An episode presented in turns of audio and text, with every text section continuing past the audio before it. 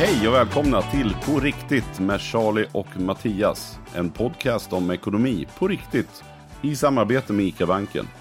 ICA-banken är en vardagligare bank som tryggt och enkelt hjälper oss att hålla koll på din vardagsekonomi. Eh, det är väl så de tänker, eller hur? Det är ju vi är väldigt glada för att ICA kör. Ja men det är ju fantastiskt. Kul, en kul sponsor att ha. Känner du att du får några Ja. så här, får du, har du fått några ICA-vibbar? Nu är ICA-banken och ICA är, är ju liksom lite olika men det är inte som när du går till ICA-handlaren att de vinkar åt dig lite mer så här som broder. Ja, men det var någon jag, jag var och handlade i någon ICA eh, där, där den personen som satt i kassan Mm. eh, tittade upp lite försynt efter en stund eh, när jag hade betalat och sa jag lyssnar på, på er, eran podd. Ja. Och då blir man jätteglad. Ja. Ja, superkul. Ja men det är verkligen, och till att börja med, det kan vi väl säga också att det är ju superkul. Tack så hemskt mycket alla ni som lyssnar och, och man märker också att folk blir mer och mer engagerade och kommer med förslag på vad vi ska prata om och, och förslag på på vilka frågor vi kan ställa till vilka gäster vi borde ha och egna tips och idéer. Det är ju jättekul. Det, det är ju det man vill ha så det inte bara blir vi två gubbar som sitter här och gaggar ihop egna grejer liksom. Nej men precis, och vi märker att det har tagit bra fart på sociala medier. Så in på Facebook också, skriv och tyck och, och dela och fundera och kör. Kör hårt helt enkelt. Vi, det, är, det är för er vi gör den helt enkelt. Så, så enkelt är det. Men du, sen är det ju också extra kul tycker jag just idag. Därför att vi har ju nu en gäst som vi har när vi satte oss ner och bestämde oss för att göra den här podden så satte vi upp lite drömgäster. Och då var det ju den här gästen som kom upp av någon anledning samtidigt för oss båda som nummer ett. Ja. Att henne vill vi ha. Ja. Och det är ju mycket, hon, är, hon har ju så mycket om sig och kring sig. Och just det här när det kommer till vardagsekonomi så tycker jag det passar så rätt. För hon är så, så där, hon säljer grejer, hon kör egna loppisar.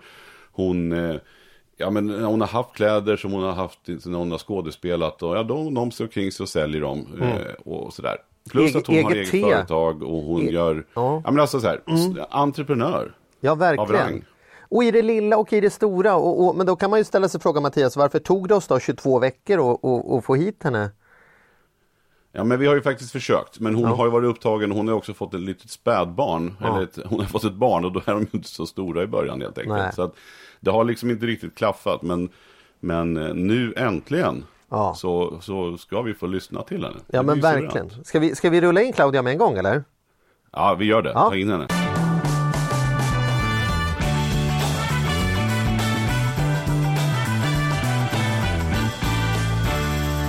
Välkommen Claudia! Tack så mycket! Äntligen! Ja. Vi har ju, alltså, det finns ingen vi har tjatat så mycket på att ha med i den här podden som dig. Gud, det är ju, en, det är ju nära att höra bara det. Ja, varför, tro, varför, tror att, eh, liksom, varför tror du att vi är så jobbiga?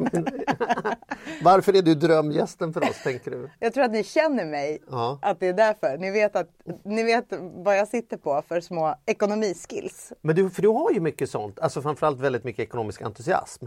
Ja, det har jag. Alltså Ja. jag är ju verkligen sprungen ur ordet eh, många bäckar små, om man säger så.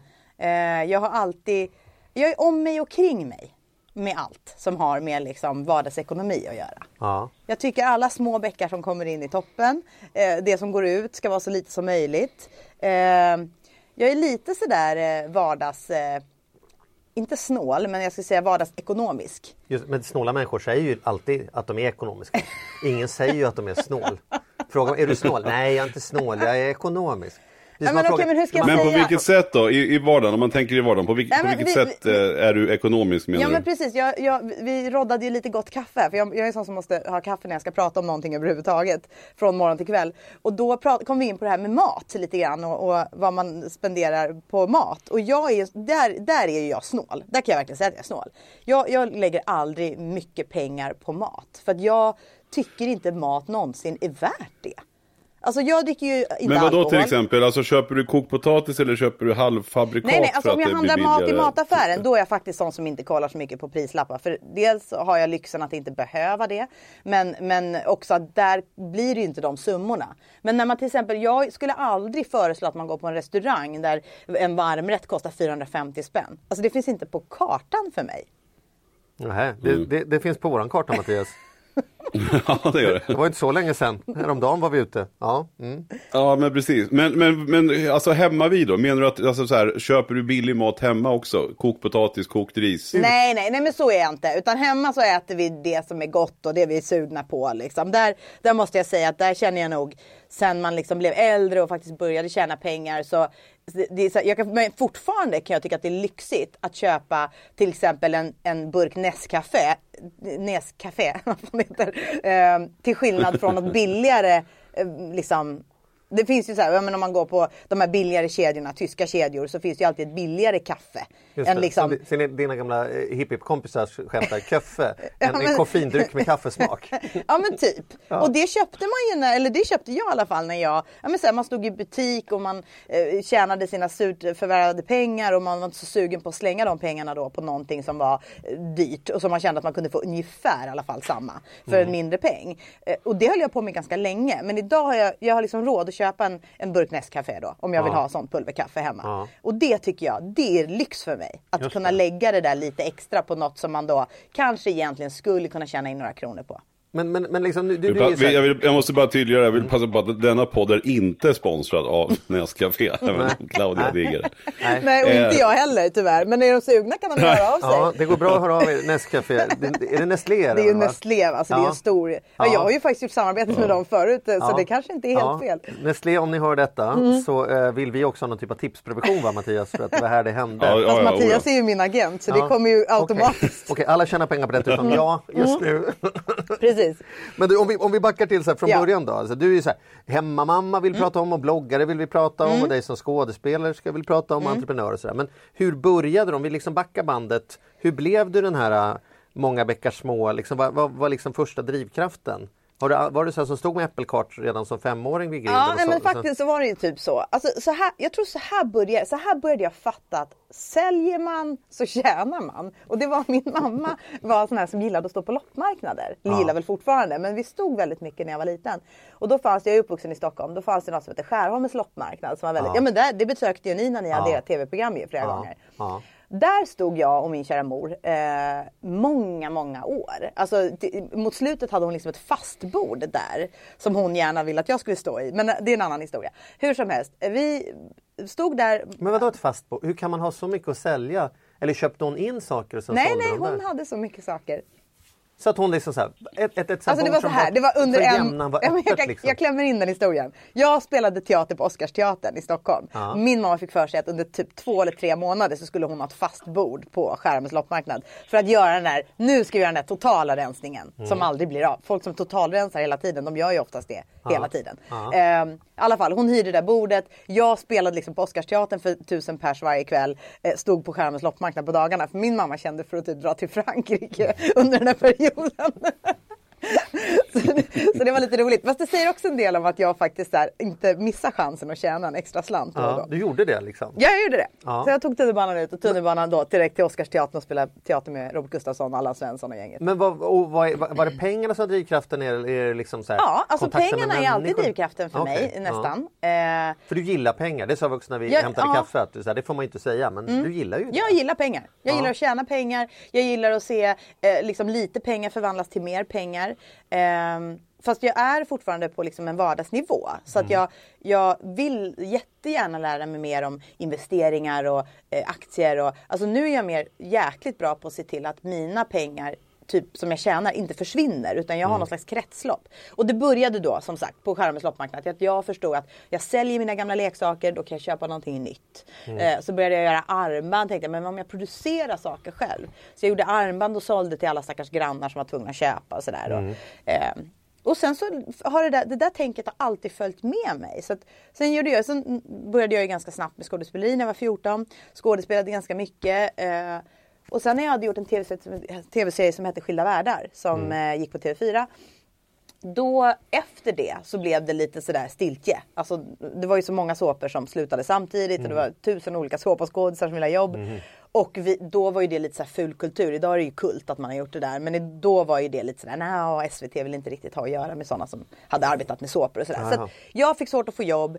Och då började mitt där tänka, men vänta nu. Jag vill, jag vill tjäna pengar, jag måste tjäna pengar, hur ska jag göra? Då började jag köpa in smycken, då hade ju Ebay precis kommit. Så, så världen började ju det här, världen började krympa lite grann. Man kunde liksom, så jag handlade grejer från Kina som jag sen fick hem och sen åkte jag runt i så här. Vad är vi för för- år nu då? Typ, då? nu snackar vi typ 2001, Ja. 2002. Så handlade jag då ehm, och så, så åkte jag till stora företags lunchmatsalar. Jag var bland annat på TV4s lunchmatsal, jag var på posten. Alltså många sådana företag som låg lite utanför stan där man på lunchen inte kan gå och shoppa. Där ringde jag, bokade plats för då fick man hyra då en plats i deras lunchmatsal. Och så dukade jag upp mitt lilla bord där med sjalar och smycken och saker som jag hade köpt från Kina och USA och lite överallt ifrån. Eh, och sålde. Så det var liksom, då Men när du säger det så tänker jag så här, jag älskar ju det. Mm. Alltså jag älskar ju att sälja. Jag är ju sån här, om jag går och köper apelsiner och det kommer någon tant förbi som letar efter apelsiner. Helt plötsligt finner jag mig själv stå och sälja apelsiner till henne. Där. Ska du inte ha några till? Mm. Jo men jag har ju hört din, jag blev ju väldigt inspirerad av din eh, tänd- eh, vad- tänd- Just tändarhistoria. min tändarhistoria. Ja, Ja. mm. Så, att, så att jag gillar ju det. Men jag tror att många när de hör det skulle säga, men gud vad modigt eller så här prestigelöst. Eller så här, hon är skådespelare Oscarsteatern och sen så lommar man ner till Skärholmen. Sen, du vet, så här, Ja. Att folk har ju någon, nästan att det ska vara skämmigt att sälja. Alltså vi har Ja. så konstig relation till pengar. Ja. Kände du aldrig det när du stod i så här, TV4s lunchmatsal? Så här, Nej, ja, nu står hon och kränger i kinesiska sjalar här. Liksom. Alltså kanske just TV4 var ju lite jobbigt för det var ju så här, jaha men är det här, har det här något med, med skilda världar? Eller ja. varför, du vet. Så just det kanske det var. Men jag tror att jag, jag stod i butik ganska mycket efter. Alltså jag, jag sålde kläder och sådär. Mm. Då blev man ganska luttrad i det där. Folk var ju alltid så, jaha du, du har slutat vara skådespelare. Mm. Alltså, och då var ju det lite tungt att höra. Tyngre än vad idag bryr jag mig inte. För idag har jag ju en annan, alltså anledningen till att jag inte spelar är för att jag gör andra saker Mm. som jag vill göra. Men stå i butik kanske man inte riktigt ville. Men det, jag lärde mig det där. Jag har aldrig brytt mig särskilt det är så här, jag föddes utan att bry mig om vad folk tycker om mig och det är inte alltid positivt. Men Mm. i de där lägena var det positivt. Men, du, och sen, men, men det som jag minns tydligt när du höll på med, det var när du sålde te. När du köpte hem hinkvis med te och plockade om och pysslade och grejer. Kan du inte berätta om det? När jag Jo. kom till Mattias första gången då hade han med sig te som han hade köpt av dig Ja, i som present. hette så. typ så här Happy Pug eller Ja, de hade ja. sån här Ha- Happy Pug. Chihuahua Dreams. Ja, och, ja. ja, ja, mm. Jo men det började att jag då eh, hade en pojkvän som bodde uppe i Hälsingland och eh, där fanns det en stor tefabrik. De är väldigt kända för sin tefabrik. Nu tror Mhm. jag att den har flyttat till Gävle. Men ehm, Eh, så jag var där i något ärende som han hade där och, eh, och var sådär, vadå kan man göra sitt eget te? Ja, här kan du beställa dina egna smaker och det är minst så här mycket. Jag vet att de jobbade med Granit, butiken bland annat och skickade till dem och sådär. Du kan beställa dina egna smaker. Jaha, vadå? Så kan jag beställa hur etiketten kan se ut? Ja, du vet, bara så här en helt ny, någonting som öppnades upp. Eh, ja, så gjorde jag det. Beställde fyra olika smaker, då, fyra olika blandningar och påsar och så här. Sen packade jag det här hemma och där någonstans eh, är det, det var nog inte riktigt godkänt för någon så här hälso... Det finns ju, det finns ju vissa restriktioner för. Eh, där satt jag i något hus på Lidingö och packade liksom eh, på tepåsar. Men det sålde jättebra. Ja. Men det var ju svårt att tjäna, liksom, jag skulle ju sälja till butik som sen skulle tjäna det, sälja det vidare. Och i och med att jag inte köpt så stora volymer så blev det inte så mycket pengar. Men, men där började jag förstå tanken med att man faktiskt kan skapa saker och att lite så här eh, alla kan göra det men någon måste göra det. Det tror jag att jag kom på där. För jag var så här, men vadå om alla kan göra te, varför skapar inte alla Ja. te-märke? Ja. Och de var så här, ja alla kan göra te men det är inte alla som kommer på tanken att man kanske ska göra det. Så Ja. att eh, jag tror att, och, och, det, och det har jag haft med mig och det tycker jag är väldigt roligt. Att man eh, hela tiden kan liksom eh, eh, ja, men komma på nya saker och inte tänka sådär att ja men det här kommer någon annan också göra. Eller är det här så enkelt så gör väl alla det. Utan Mm. att alla är unika och alla har sin eh, unique selling point. Och liksom, det är bara att någon ska göra det och då är det bara att ta tag i det. Och det lärde jag mig där med det här teerna. Och det höll jag på med i tre år. Vi hade en beslutsdoktor i, i, i podden för några veckor sedan och han sa det, det svåraste är ju inte att fatta bra beslut utan att sen genomföra de besluten man har fattat. För hela världen är full med bra idéer som Så är det ju. sen är bara, bara gör. Ja. Och någon ska bara gå de där extra metrarna som det tar för att liksom få det gjort. Men vad tror du gör dig till så här, en doer? Tråkigt ord doer liksom, men du Ja. är ju verkligen en... Nej, för det, tänker man jag tycker det är ett ganska härligt ord. Ja. Är, inte det? är det ett tråkigt Okej, ord? då, då var det Tycker du att det är ett tråkigt ord? Nej, jag, det, jag gillar inte bara när man säger saker på engelska. Jaha. En görare kan du görare säga då? låter ju inte lika... Nej, det låter ja. inte, men- Ja, men du är ju en men- görare. Ja, jag är en görare och det gillar jag. Ja. Alltså gud, tänk om någon så här, och, och, jag brukar alltid tänka så här, undrar vad folk säger om mig. Om någon säger mig så här, Claudia hon är en sån här, hon får saker gjorda. Fan det gillar jag. Det Mm. Går jag igång på.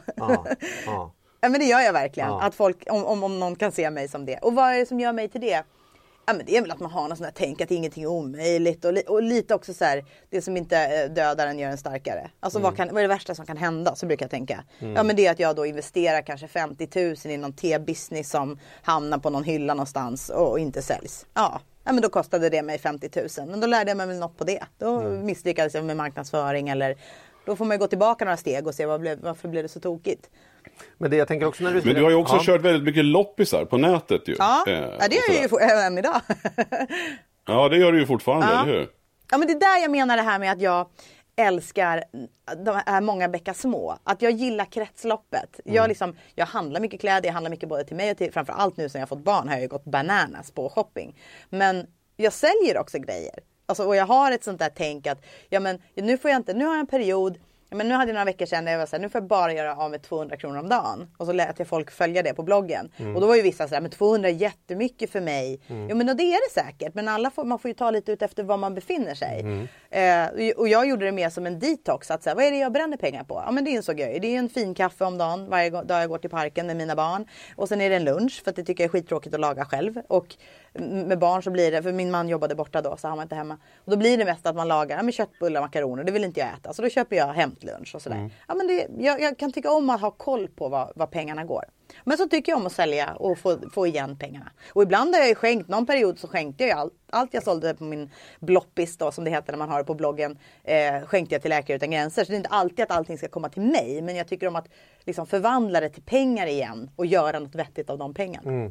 Jag kommer ihåg att vi ringde, kommer ihåg det Mattias? Vi ringde Claudia från, från din bil när vi hade på Lyxfällan någon gång när vi skulle, det var, vi, vi behövde sälja kläder och var så här, vad, vad säljer vi det här bäst liksom? Så här, Är det här loppisgrej Ja, eller är det här något precis. finare? Ring Claudia, hon vi vet hur man säljer. Claudia. Liksom, så här. Och Vad, sa, idag, vad tipsade jag om då? det kommer jag inte ihåg vad du sa men, men, men vi fick ju behålla jobbet ett tag till på Lyxfällan. Så att Ja, måste det var tack vare mig. Ja, det, så då kanske jag ska ha lite procent av er Eller snart. hur? Det tycker jag alltid. det här är ju liksom så här, det är många järn i elden, liksom många bäckar små. Det här mångsysslargrejen är ju det man skulle Nu kommer ett annat ord jag inte gillar. Mm. Kontinentalt. Ja, gud, Eh. jag älskar alla ord du, du kan ge. Okej, du, du kan få mina ord.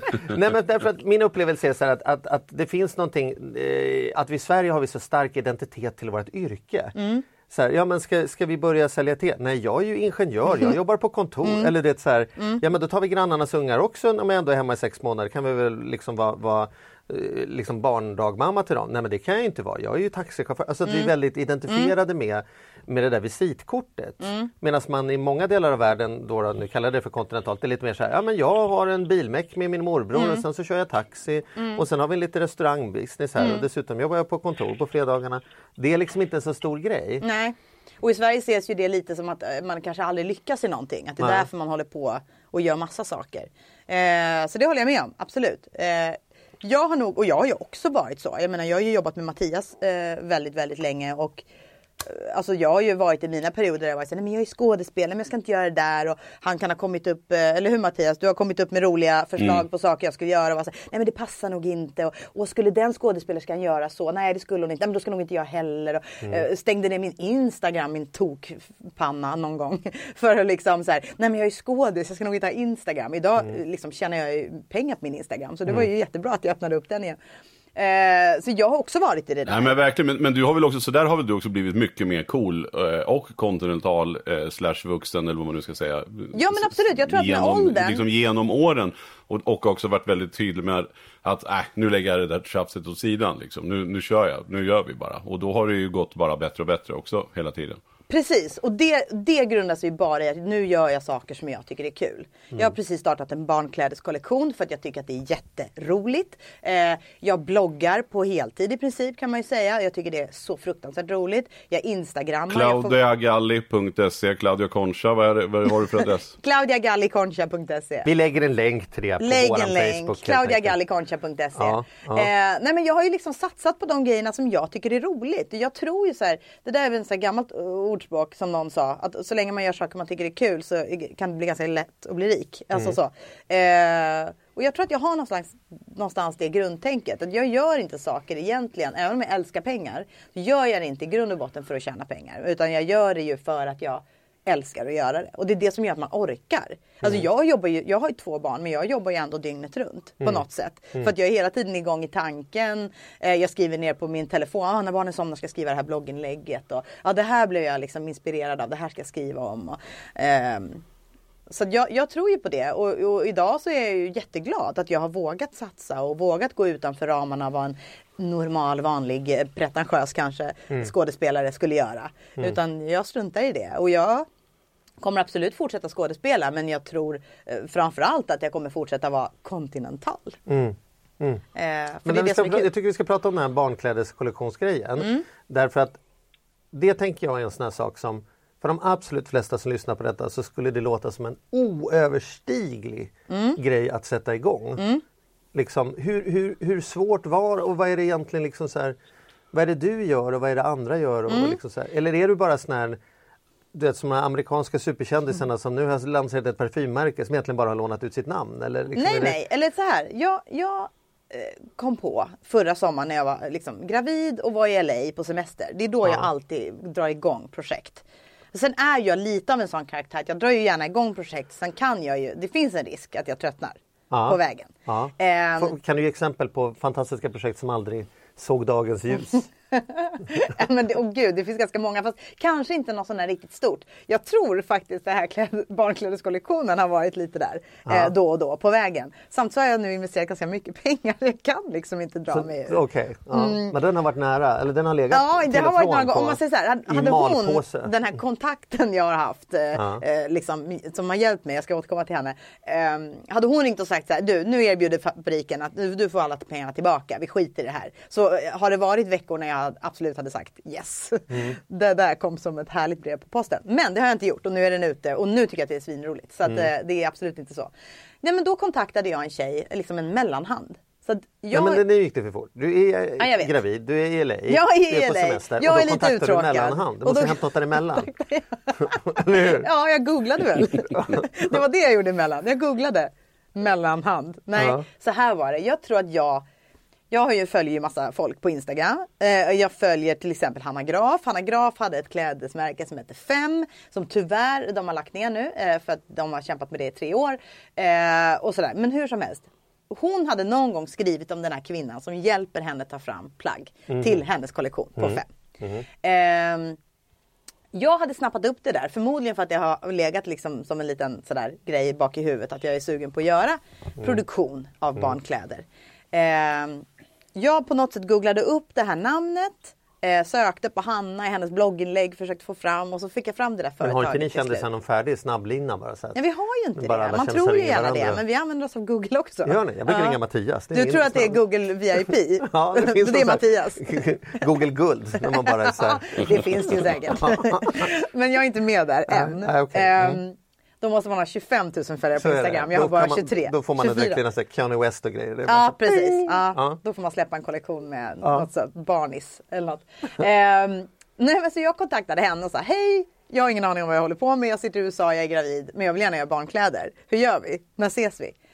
Hon svarade, vi ses eh, i Malmö när du kommer tillbaka, för de bor i Trelleborg. Och eh, vi hade ett första möte och det var verkligen så här, hon hade med sig massa kläder och det är väldigt roligt med klädproduktion eh, ska man ju säga då. Att kläder är ju inget, alltså du får ju, du får ju kopiera allt inom kläder. Alltså du får inte kopiera, jag får inte göra som din t-shirt som du har nu. Så kan jag inte göra exakt samma t-shirt med exakt det trycket, exakt det så.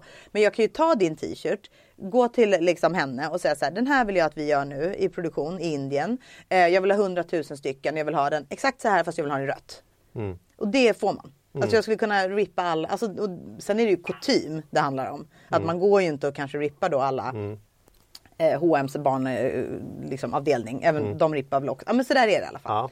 Så det där fick jag lära mig av henne. Att så här, tänk fritt, gör vad du vill. Eh, och Ta- det ta var det jättesvårt. gillar, liksom. Ja. Ja. Och så kom jag på lite olika eh, sådär. Och så skulle jag komma på ett namn och så skulle jag komma på... Alltså, men det var ju jättemycket jobb. Det hade jag inte alls räknat med. Jag hade nog kanske tänkt så här. Ja, ja, men det här fixar vi. Jag kirrar en... Men sen är jag ju kontrollfreak så att jag skulle inte kunna släppa allt heller till henne. Ehm, så jag ritade upp några design som jag tyckte om. Eh, jag liksom plockade lite ur tjejen, eller då hade jag ju bara Chloe. Lite ur hennes garderob, så här, plagg som hon har gillat och använt mycket. Eh, tänkte men det här gör vi fast med det här printet, något liknande det här. Och, ja, men jag hade lite så inspirationskarta som jag hade målat upp. Eh, och sen var det ju bara att sätta igång produktionen.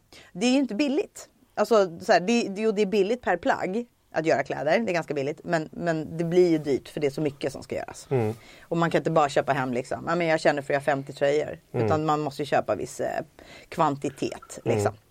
Eh, Men, men, men sen då, sen blir man nyfiken då, för det är ju ändå säljet som är det viktigaste. Ja. Det, det, det all, de allra flesta företag faller på är ju säljet. Precis. Liksom. Och där har jag ju lite gratis har jag ju att jag, har, att jag driver en av Sveriges största eh, babybloggar. Liksom. Som har Eh, vunnit pris och grejer nu Ja, alltså. jag blev ju utsedd till årets bästa babyblogg. Mm. Ehm, Det är ett pris du aldrig kommer... Grattis. Ja, tack så hemskt Det, det är mycket. ett pris du aldrig kommer få Mattias. Nej, kanske inte du Nej, heller det Charlie, kommer vet jag inte få. Nej, fast det känns å andra sidan helt okej. Ja, att ni ja. inte kommer få Ja, det. vi Ni, kan ni leva kan väl det. säkert Ja. andra priser. Ja. Ehm, precis, så då tänkte jag, där har jag automatiskt en kundkrets. Mm. Ehm, och sen så har jag, jag har ju pluggat också att bygga varumärke på sociala medier på Bergs. Mm. En lite kortare kurs. Men, men eh, jag kände också, vad spännande. Nu ska jag bygga ett varumärke som inte bara ska utgå från att det är jag. Att folk ska vara kopplade till mig. Så det, det, det jobbet håller jag egentligen på med nu. Eh, så jag hade ju inte liksom något jättestort säljeupplägg innan kläderna kom. Utan de landade ju i Sverige nu för bara en och en halv månad sedan. Eh, så då, nu är det bara så här fullt ös. Jag har anställt en tjej som hjälper mig lite för det tar ju lång, ganska lång tid att hålla på med sociala medier. Det är ju influencers som ska kontaktas och samarbeten som ska styras upp. Och, och det är egentligen typ det det handlar om idag. Alltså ska du sälja barnkläder på lite mindre nivå som jag gör och inte få in det på Åhléns eller de stora varuhusen. Då är det ju typ att ha ett stort Instagramkonto som gäller. Alltså faktiskt är det ju så idag. Det är ju jävligt knasigt. Men eh, Och där, och jag ska bara säga, nu är vi i podd så vi får göra vad sjutton vi vill. Så Ja. Pocky Pocky heter det va? ja, Pochi Pochi säger Pochi man. Pochi. Ja. du ser, jag förlorar Precis. redan där. Ja. mm. Men, men du har inte bebis heller just nu. Nej. Så att det, Nej. Eh, ja, men www.pochipochi.se Där hittar man eh, kläderna. Ja. Eh, så men det är jätteroligt. Men det är liksom in the making fortfarande Vad ska det som. bli då? Vad är din vision? Tänker du att du ska, om tio år kommer du ersätta H&M som Nej, det tänker jag inte. varumärke, Nej, eller- men eller det ska det vara inte. lite det som där någon sa till mig, du måste tänka att du ska bli störst. Fast då tänker jag så här, nej, inte inom det där. Behöver inte jag tänka att jag ska bli störst. Jag Nej. tänker att det där ska vara en del under mitt, liksom, i mitt träd, vad man säger. En gren i mitt Mm. I ditt träd. kontinentala I träd. mitt kontinentala träd. Ja. Ehm, och, och, det, och det, det tycker jag, det får vara så. Det, jag behöver inte släppa liksom stora kollektioner varje säsong. Det där får puttra på. Det där är liksom en liten... Jag vet inte, det kanske är skittråkigt att tänka så. Man kanske alltid ska försöka ha i ryggen att man ska bli störst och bäst och vackrast på allting. Men, men jag har aldrig känt så med det där. Utan jag har känt att det där är någonting, jag vill ha utlopp för någonting med det där. Och jag vill inte, det får inte ta för mycket av min tid, för det har jag inte tid med. Så jag vill gärna kunna liksom anställa folk som jobbar för mig med det. Eh, även om jag alltid kommer liksom vara, alltså när det kommer till att rita kläder och så, det vill jag göra själv. För jag vill bestämma hur det ska se ut. Det släpper jag inte. Men, eh, Ja, men jag vet inte. Men jag bara tänker som att det där är en del av mig. På samma sätt som att jag, eh, liksom, jag har bloggen, jag har Instagram och jag har mina barn och jag har min klädkollektion. Och det är liksom så jag vill hålla på. Jag har mitt programlederi. Jag gör ju liksom lite olika webbproduktioner nu och sådär. Ja. Så att, ja. Men jag tän- tänker du Mattias, du som har jobbat mycket med olika typer av liksom, framgångsrika människor. Är det, är det, för min bild är, är väl typ så här att de som är störst, bäst och vackrast är ju oftast det därför att de har gett sig fan på att de ska vara störst, bäst och vackrast. Och då är det mycket så här one trick pony. Man gör verkligen bara en grej. Jag, jag har skitit i, i familj, jag har skitit i mat, jag har bara ätit saker liksom i, i plaströr de senaste 20 åren. Och jag har blivit Sveriges absolut största på på det här liksom tjolahoppsan grejen. Eller, eller liksom att, att vä- liksom den här kamprad-grejen. Liksom, så här, jag, verkligen snör, jag måste toksnöa in och till, till varje pris bara. Liksom, så här, de här Steve Jobs liksom, grejerna. Men det som är så häftigt med Claudia tycker jag, det är ju att jag alltid har beundrat din, din energi sådär. Jag tänkte många gånger, och, och inte minst nu när du skulle få barn nummer två, jag har ju gått igenom det där själv. Och så tänkte jag så här, men nu, nu måste hon nog tagga ner lite grann. Liksom. Det kommer inte gå. Alltså, jag vet ju hur, vad det innebär. Men det, det är som att det inte märks av på dig. Hur, hur lyckas du få ihop allt och hålla energin uppe?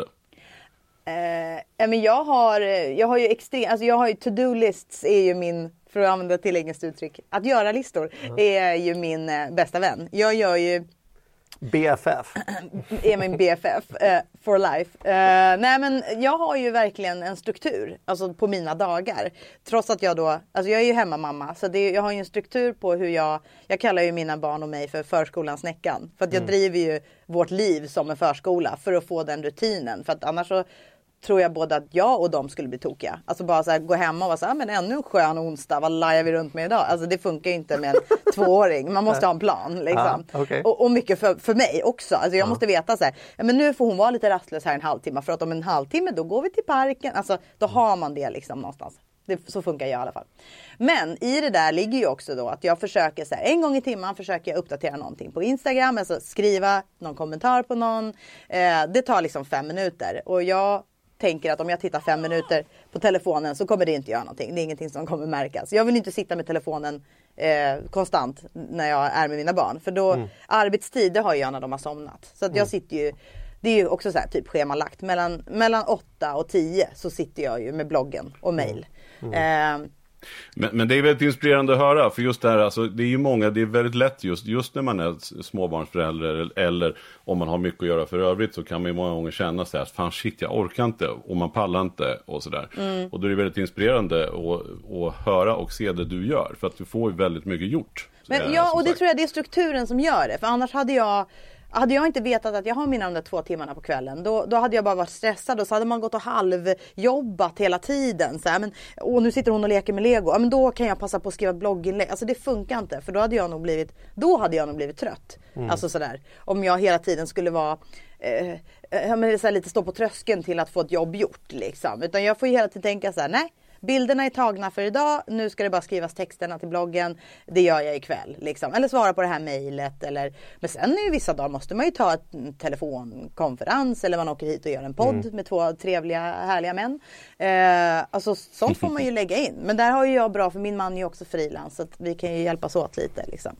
Men, eh, men, men det jag skulle bara vilja återkomma till det vi var inne på det här med att man gör flera saker som du sa att man bara äter mat i ett rör och så, så blir man jättebra mm. på någonting. Eh, Tror inte ni också att det har att göra med att idag så handlar det så mycket mer om att alla är sina personliga varumärken? Hur då menar du? Ja men att idag så säljer, alltså i och med att alla har ett Instagramkonto nästan, alla har Twitter eller någonting. Mm. Där du liksom, där du är du för dina nära och kära men kanske också når ut lite längre än så. Många har ju som mål i alla fall att nå ut lite längre. Mm. Det kan ju jag se på min Instagram, folk som jag följer som är vänner. Mm. Att man känner så här, men den här posten känns inte riktigt som den bara ska nå ut till kompisar. Mm. Utan den här är ju även lite så här, nu vill jag lägga upp en schneidig bild eller jag vill, mm. förstår du vad jag menar? Att mm. man, idag är det så lätt för alla att bygga sitt personliga varumärke. Eh, mm. och, och, i, och, i, personliga varumärken menar jag så får det oftast plats mycket mer saker än bara i ett yrke om man mm. säger.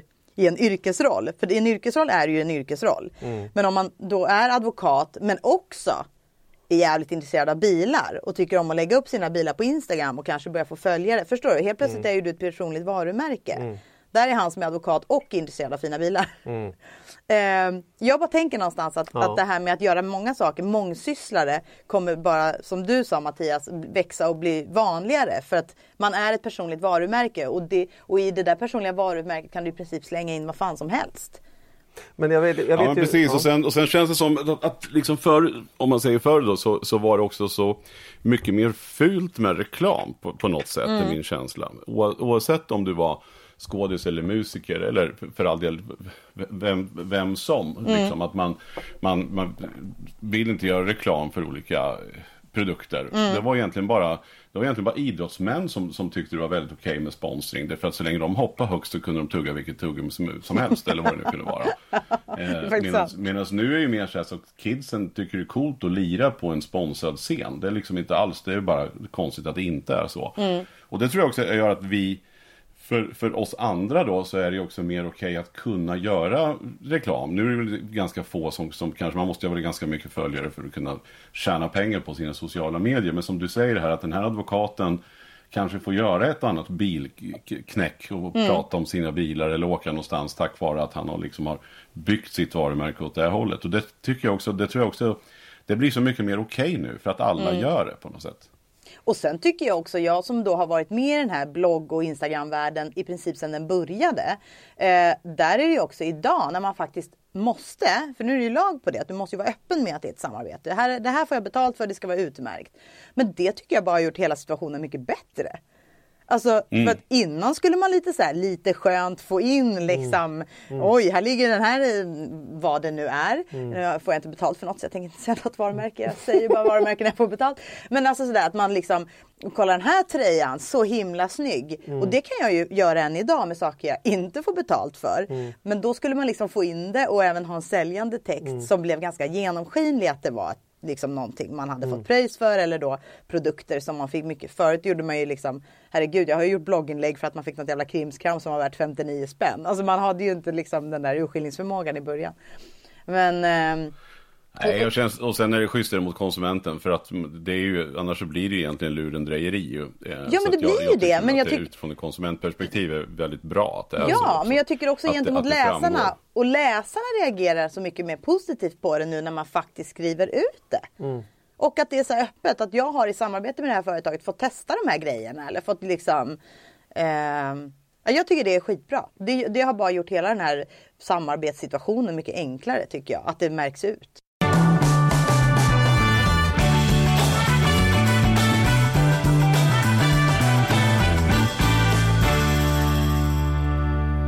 Hur tänker du då när du, när du väljer partners eller, eller ja, i den mån man, man kan välja men liksom är det Är det är de som betalar bäst va? Det, nej, men känner du, är det mycket så att du så här, tackar nej till eller så här, det här eller får man bara bita ihop och säga? Nej. Eller hur, hur, hur, var går gränsen? För någonstans säger du, du driver en affär, du lever ju på detta. Det Ja, ja, ju- absolut. Det här är ju liksom, det ska finnas mjölk och, och smör och Ja. grejer hemma till barnen. Precis. Och då kan man inte säga så här, mm, Och fin är, kaffe. är verkligen BMW mitt favoritmärke? Jag känner mig lite mer som en Audi-person. Jag väntar till Audi hör av sig. Alltså så här, Förstår du? Det där måste ju ändå vara ett samtal du har med Mm. Alltså dig jag själv. gör ju inga eh, samarbeten med produkter som jag tycker känns tveksamma. Till exempel skulle jag aldrig göra för bantningspulver, bantningsteer. Det finns ju mycket inom bantning som känns. Jag skulle inte göra så mycket reklam för spel, alltså sådär pokersajter. Och, Mm. Alltså det, det är vissa saker som jag tycker inte känns så sköna i förlängningen. Och där jag någonstans ändå måste tänka, nu när jag har barn, så tänker Mm. jag att nu har jag, jag för mig själv i alla fall känner att jag har ett större ansvar inom Mm. lite olika områden. Liksom. Ehm, Tobak och porr typ, det är det enda du kan köra. Ja, to tobak och starksprit, det, det tycker jag ju ändå. Det får de ju lära sig hantera när de blir äldre. Nej men alltså så här, det, men det skulle jag självklart inte heller skriva om. Och så, så har jag inte en mamma barn-blogg. Det måste ju också kännas lite organiskt. Det får inte sticka ut för mycket. Liksom.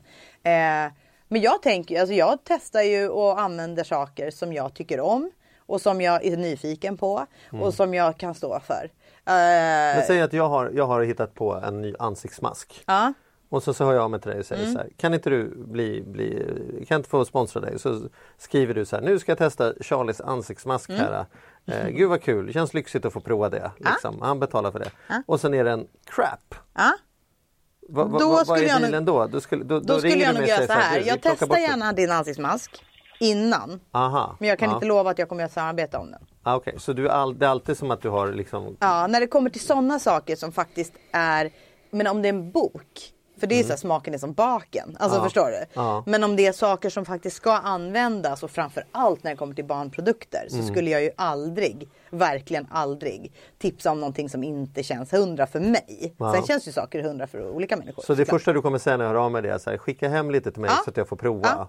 Och sen så får Jag vi se testar om det... jättegärna. Jag kanske till och med låter min svärmor eller mamma eller någon annan testa också. Se vad de tycker. Liksom. Det. Eh, och sen brukar jag också säga så här. Alltså, vad känner du? Jag kan skriva om din produkt. Mm. Men det jag tyckte var negativt var det här. Hur känner du för det? Alltså där tycker jag där kan man ha en dialog. Mm. För jag tror inte heller att alla nödvändigtvis bara vill ha liksom. Det här var det bästa jag någonsin Mm. har testat. Man kanske också vill ha lite konstruktiv. Alltså sådär. Att ah, det var synd att det, var, att det var en plastburk där man måste sticka ner fingrarna för, av hälsoskäl. Eller du vet sådär. Jag hoppas att de gör i tubform nästa gång. Eller du vet, man kan ju ha lite olika infallsvinklar som, som de också kan tycka är Och hur roliga. brukar de reagera då? Brukar de säga så här, men skriv det, var transparent, säg vad du gillar och inte gillar. Eller brukar de vara så här, ja det där kanske vi inte ska ta med. Vad, vad brukar, hur brukar... Eh, jag har nog faktiskt nu när du säger det aldrig riktigt varit med om just den situationen. Jag har inte testat så många sådana saker. Men, men jag vet eh, alltså, kollegor som har gjort så. Och där har de velat, nej men skriv ändå. Alltså ofta så är det så här, man satsar inte så hårt på marknadsföring när man har en crappy produkt. Då tror jag att du går till andra influencers som kanske inte är så stora och så betalar du inte. Och så skickar du ut och så, så hoppas du att någon skriver om det. För det är ju så, alltså i början när jag bloggade man hade liksom 300 unika besökare om dagen. Eh, som då inte är jätte, jättemycket. Ehm, så då, då när folk skickade saker, man blev jättesmickrad. Och skrev ju om allting som man fick skicka till sig. Sen ju större bloggarna blivit och ju mer liksom det har kommit in pengar i, i sammanhanget så har man ju liksom blivit lite mer selektiv. Alltså så är det ju. Liksom. Jag kan ju inte heller göra samarbeten varje dag, då skulle inte jag ha några läsare. Till Just det. slut. Så är det ju. Det är ingen som hör av sig till oss Mattias. Det är ingen i den här podden som vi får inte prova en ansiktsmasker och grejer. Har Nej. inte? Nej, ingenting. Men vi kan göra så att jag, det jag får som jag tackar nej till, det kan jag skicka till er i något Ja. slags vadderat kuvert. Ja. Då kan ni ju prova Så kan vi ha ett inslag i podden som heter Ja. Crappy sponsring. UV, baddräkter och... Ja. Nej men sen är det väl också det där, alltså, sen, sen bygger det precis som du säger eh, Claudia, det här med trovärdigheten också. Att skulle du göra ett, eh, skulle du ha bara, om man bara fick läsa om massa produkter i din blogg så skulle ju folk snart ledsna. Ja. Det måste ju vara en, en balansgång där tänker jag mellan Ja, hur mycket man kan ta in. Det måste finnas ja, någonstans. Och det är väl den, den gränsen som är den svåraste att hitta, tänker jag. Och, och jag försöker ju alltid sen när jag tackar ja till samarbeten så är jag ju väldigt noga med och det är också kul att folk vill ha. Alltså förr i tiden i början när man fick samarbeten då kunde man ju till och med få en text skickad till sig. Lägg in den här. Men idag är ju det här liksom influencer-tänket det stora. Så nu vill man ju ha just den här influencerns liksom take, alltså vad säger man? Ehm, Ja, eh, vinkling på, på inlägget. Alltså sådär. Oavsett om jag, om jag får kläder hemskickade så är det inte att de vill att jag ska stå som en slags supermodell i något gathörn med någon graffitivägg bakom. Utan de vill att jag ska göra det till mitt. Liksom, I mitt hem eller sådär. Men du, nu måste jag bara, när Mm. du säger det, Mm. apropå supermodell i in, inte bara är du ju vacker som en fotomodell, det, det behöver inte jag säga, det vet ju alla redan. tack. Men du har ju så jädra snygga bilder överallt. Tack. Alltså när man går in på både på Instagram och på, på bloggen och Mm. sådär. Det är ju skillnad mot när jag och Mattias tar upp mobilkameran när vi har tagit två öl och bara här sitter vi och planerar på. Alltså så Ja, jag fattar. det, det, men det är en del av strategin liksom. Att, för det, det känns ju Ja, här, det grundar sig i ett intresse. Liksom. Alltså, Ja. det är, jag, Tar du dem själv, Ja, eller? jag tar nästan alla bilder själv. Alltså, sen om jag gör samarbeten då ofta så har jag en kompis som hjälper mig att ta bilder på mig. Ja. Men jag är väldigt, vet, vet ju nästan exakt vad jag vill ha alltid. Så. Ja. Eh, men jag har alltid varit intresserad av foto. Idag är det så lätt med teknik. Alltså, jag har ju en en eh, sån där smartphone som är ganska stor och som har en väldigt bra kamera. Eh, nej, men så att idag är det väldigt lätt att ta snygga Man får bilder. säga iPhone i det. det Jaha, okej. Ja, jag har en iPhone. Vi, det, vi, vi gör precis som vi vill här. Men jag vill bli sponsrad. Jag tänkte Ja, okej, jag kanske ska ja, ringa ja, dem. Nej ja. jag skojar. Nej men jag har ju en sån här iPhone 7 plus eller vad den heter. Den har ju en fantastisk kamera. Så idag behöver du ju liksom inte släppa med dig. När man började blogga, jag kommer ihåg så här bloggare. Man, så, man såg att det var en bra bloggare. De hade så här typ Canon 5D som de släpade runt på. Med något jävla jätteobjektiv. Och Just det. liksom. det var ju skitjobbigt. Men idag behöver man ju inte det. Så att, eh, eh, ja, ja men Du var ju också så om det omkring det kan jag berätta, så du fixar ju din egen kamera dessutom. Ja, det gjorde jag. Mm. Minns ju jag. Du skrev ju till, till kameramärket och skrev att jag vill, jag kommer börja ta bilder och jag kommer vilja ta det med en kamera och den kommer synas. Mm. Kan jag få en? Fick jag det? Den använder jag faktiskt fortfarande. Det är en Sony kan Ja, jag, jag säga. vet, jag, jag, jag brukar se den ibland i någon sån här spegelhistoria. Eh, Ja. Så jag, jag brukar tänka på det och skratta lite grann varje gång. Ja men alltså jag tror också så här, man får inte heller vara rädd att höra av sig. Man får ju bara kasta sig ut. Vad är det värsta som kan hända i livet? Det är att man får ett nej. Ja det värsta som kan hända är att man dör. Men om man inte tänker så drastiskt. Men, så är det, ju- men är inte, det där är ju en styrka du har som är, om jag hittar på det, ganska ovanlig om man kommer från skådespelaryrket som handlar kanske mer om att vara den här som så här, du vet, man ska vara tillgänglig men man ska inte visa att man är så himla tillgänglig. Mm. Alltså så här, att, att försöka hålla sig, sitta lite i drottningsits och, och liksom. Mm. Men jag är ingen typisk skådespelare. Alltså, jag är Ingrid inte- Bergman grejen liksom. Ja men jag är ju så långt ifrån det som möjligt. Och jag tror att det är därför jag heller aldrig har känt mig hundraprocentigt som en skådespelare. För att Mm. jag har till exempel aldrig velat gå på a-kassa vilket nästan alla skådespelare drar jag alla över. Nu åker alla med här. Men, men många går ju på Mm. A-kassa. vi har inget stöd för att Ingrid Bergman gick på a-kassa. Men, eh, det, Nej, jag ja. Tror det kanske inte ens fanns då. Man vet inte. jag tror inte hon behövde. inte nej. Ja, ja. Men, eh, nej men alltså sådär. Det- är ju lite så skådespelare tänker. Man är skådespelare, man jobbar för konsten och sådär. Och det, jag gick ur a-kassan direkt för jag kände gud, livet, jag är ju frisk och kan ju stå på två ben. Då kan Mm. jag göra något annat än att sitta hemma och stämpla. Liksom. Eh, Som Skärholmen centret, eller Skärholmen Ja, då kan jag ju liksom. stå och sälja mammas gamla vaser på Skärholmen istället. Ehm, Nej men, jag, jag, men jag tror att som sagt jag har ju försökt att vara den där skådespelaren och tog ju bort Instagram och försökte ju liksom vara det där lite mer pretentiösa, svåra och mm. svårtillgängliga. Och jag känner att det ligger ju inte för mig. Det är ju inte min jag passar ju inte i det. Och det har ju Mattias, du har alltid varit väldigt bra på och sagt, ja men jag är liksom äh, sådär, jag är inte så svår. Mm.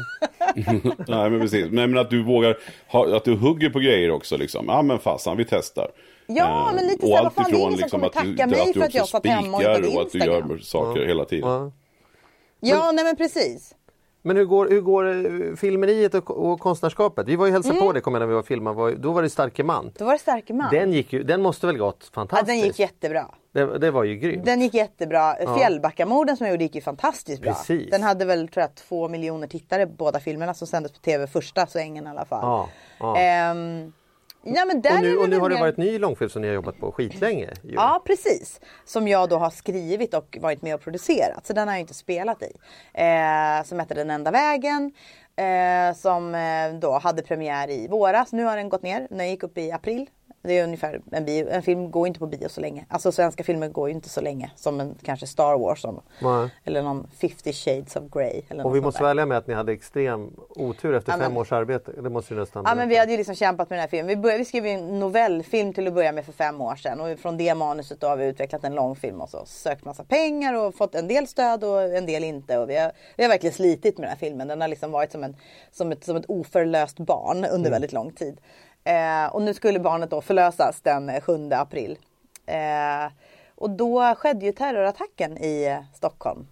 Så då stängde samma, ju... Samma dag. Samma det, det är fredag kväll, alltså, mattan är utrullad, nu ska det hända. Ja, alltså, Första helgen eh, avgör hon hur länge den får ligga ja, ute. Och, ja. och så stänger man ner alla. Då stängde alla biografer i hela Stockholm och resten av Sverige var ju inte... Var, de, då sprang ju inte de och tittade på en film som handlade om Peter Mangs och två killar som blev skjutna. Alltså, mm. Lite så var det ju. Mm. Eh, så vi hade ju sån extrem, alltså det var sån extrem otur så jag tror inte ens vi kunde ta in vilken, alltså dels så var man ju såklart ockuperade av det fruktansvärda dådet som hände i Sverige. Men i vår lilla värld med den här filmen som vi då har suttit och laddat för och var så här Shit, på måndag kommer siffrorna. Men det, det här är ju liksom, vi har ju tänkt på det i tre år. När vi har mm. suttit och skrivit den här långfilmen och kämpat fram och tillbaka så är det ju typ den där dagen vi hade pratat om. Tänk den dagen när folk går till kassan och köper sin biljett så kommer inte den dagen. Mm. Det, då, det känner man sig ju snuvad på, på allting. Eh, alltså det var ju bara en så surrealistisk eh, situation. Vi hade ju, fick, vi hade en galapremiär i Sverige, eller mm. i Stockholm. Och det var ju jätteroligt. Den, den fick vi ha, den hade vi på tisdagen. Eller på måndagen samma vecka. Och så var det fredagen då där det hände. Men det var ju bara så surrealistiskt och det var ju liksom, det var ju otur. Men det var ju så mycket annat med den dagen som var mycket hemskare. Så det går ju inte att jämföra med någonting såklart. Men hur känns det idag då? Liksom, är ni bittra hemma? Så nej, nej men det är vi faktiskt inte. Alltså, det var ju en sån märklig situation så mm. det gick ju nästan, det går inte att jämföra de två sakerna med varandra. Det var inte, åh om han bara kunde terroriserat någon annan dag. Alltså det finns ju inte liksom man kan ju inte tänka så utan mm. det får ju bara, det bara vara så. Och det var ju nästan så att vi sa så här, men gud det här känns som ett ett tecken, alltså ett sign. Man kanske, mm. inte ska göra, man kanske inte ska göra egen film. Det var ju sånt jävla mecklemang med det där i alla fall. Så det kanske är lättare att bara Eh, du vet, att man, man regisserar andra filmer och, och få andra, du vet, det är så mycket jobb med att göra en film så du kommer aldrig liksom, det kommer du aldrig bli rik på. Om mm. du inte har en riktig superhit och det är väldigt få som har. Jalla Jalla var ju en sån film som var, mm. blev en superhit från en liten budget. Men, mm. ja. Ja. Men det, det, är helt fantastiskt, man, man slås ju av varje gång man träffar dig och när man hör dig så här att att just det här energin och allt mycket du får gjort. Jag tänkte vi skulle avsluta lite grann där vi började, vi snackade om just det här liksom vardagsekonomin där du sa att du var ganska, ja men att du inte brände av på dyra restauranger så mycket och att du höll igen sådär. Har du, hur, hur har det förändrats tänker jag bara höra då med dina barn nu när du har fått barn? Har du några tips liksom till lyssnarna där ute? Så här, hur, hur, hur får man vardagsekonomin att gå ihop när man, är, när man har, och dessutom barn, eh, två barn då hemma? Mm.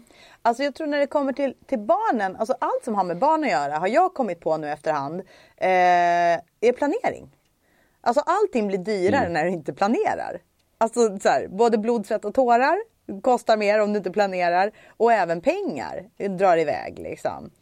Så, här, så vad det gäller mat och sånt till barnen så då jag är väldigt välplanerad. Jag försöker tänka så här, men vad ska, sen kanske inte alltid en vecka innan, men alltså varje dag så att man inte går ute på stan och liksom oh shit, just det, lunch, du vet. Mm. Då ska man hitta något ställe som serverar pannkakor för det kanske inte är så lätt att få barnen att äta liksom torsk med persiljesmör. Ja men du vet, det är inte heller så det är inte så lätt att, att ranta runt på stan med barn och liksom utfodra och sådär.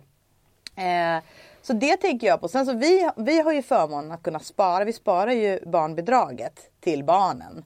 Så det, ska de, det är liksom den insatsen de får nu till en början.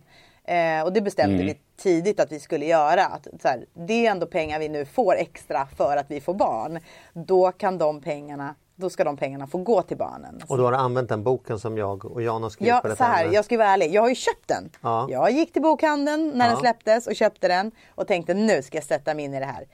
Men det är det där med tiden. Mm. Jag önskar ju att det fanns, att man kunde, hade jag kunnat köpa tid, det hade jag kunnat lägga rätt mycket pengar på kan jag säga.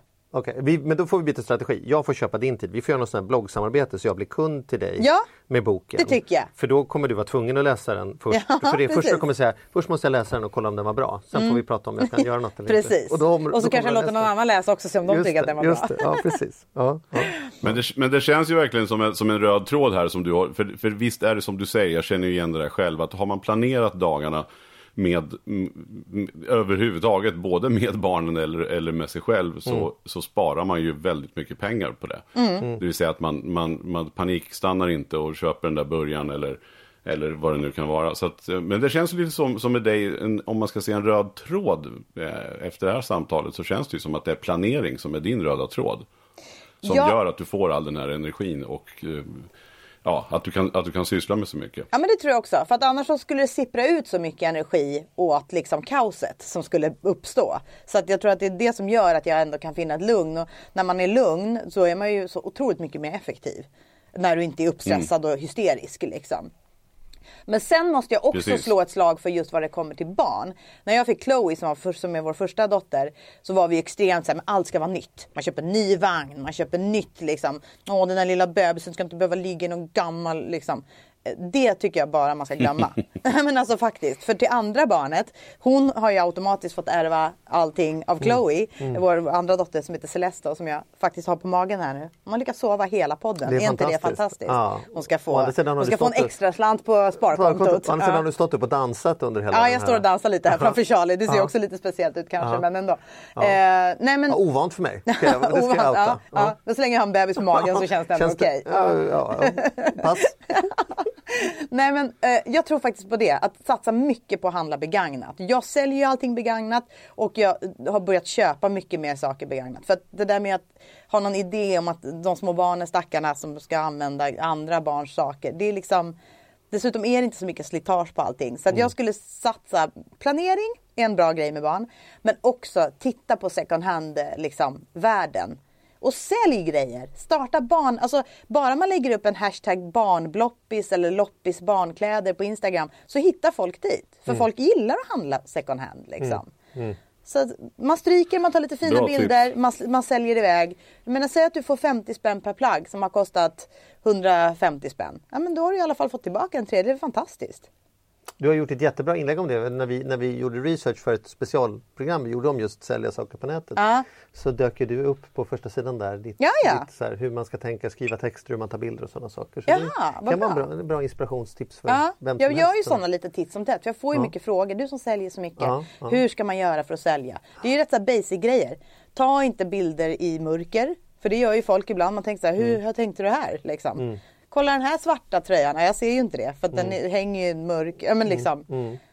Ta tydliga fina bilder. Ta gärna fler bilder. Eh, och lägg upp och en beskrivande text. Liksom. Lägg lite tid på, till exempel om man ska sälja som en barnvagn som är en ganska stor investering även om den är begagnad. Lägg lite tid på så här, vad är fördelarna med vagnen? Kanske också så här, det kanske finns någon nackdel som man kan nämna. Liksom. Men var ärlig. Det är ingen idé att säga så här, den är i nyskick. Och så kommer folk hem och ser det liksom konstiga fläckar på hela vagnen. Alltså det blir ju inget bra. Ja. Då är det bättre om man vet det innan. Nej, det blir inget bra. Ja, Nej. Ja, precis. Nej, men du, härligt. Det här vi skulle kunna hålla på i två dagar känner jag. Ja gud, jag med. Ja. Varför tog det så lång verkligen. tid? Vi får boka Men det kanske är ett redan. sign. Det kanske är nästa säsong så tar vi upp en ny tråd Ja. med Claudia. Ja, men det tycker jag. Ja, och när vi är färdiga nu och liksom klara, då bokar vi den redan nu. För att Ja. det är så svårt att få Ja, jag är så sjukt svår. Du är så upptagen. Ja. av- Hemmamammor, de är liksom... Nej, hopplöst. Ja, det är hopplöst. Ja. Nej, men det får vi säga. Tack så hemskt mycket för att du har tagit dig tid med oss med, med barn på axeln och Mm. Filmer och allt som pågår och, och så är otroligt eh, Men tack skönt. för- tack du är en sån inspiration komma. och ett sånt föredöme så att vi, vi, vi liksom lyfter fram dig. Ja, förlåt, förlåt, nu tror jag sparkade på dig, det gjorde Ja, jag inte. Eh, men tack så mycket, tack för att jag fick komma. Det har ju varit jätteroligt och jag har ju sett fram emot det här. Det är ju liksom så himla härligt. Ni, jag måste bara säga så här, ni är ju liksom lite idoler eh, för mig. Även om jag har jobbat med dig Mattias i hundra år så känner jag ändå att ni två är liksom eh, åh, jag, jag, så här, jag, nu höll jag på att säga jag går igång på er, det hade ju låtit väldigt konstigt. Det var inte det jag menar. Det låter jag, men- jättebra tycker jag. Tycker, varför låter det konstigt?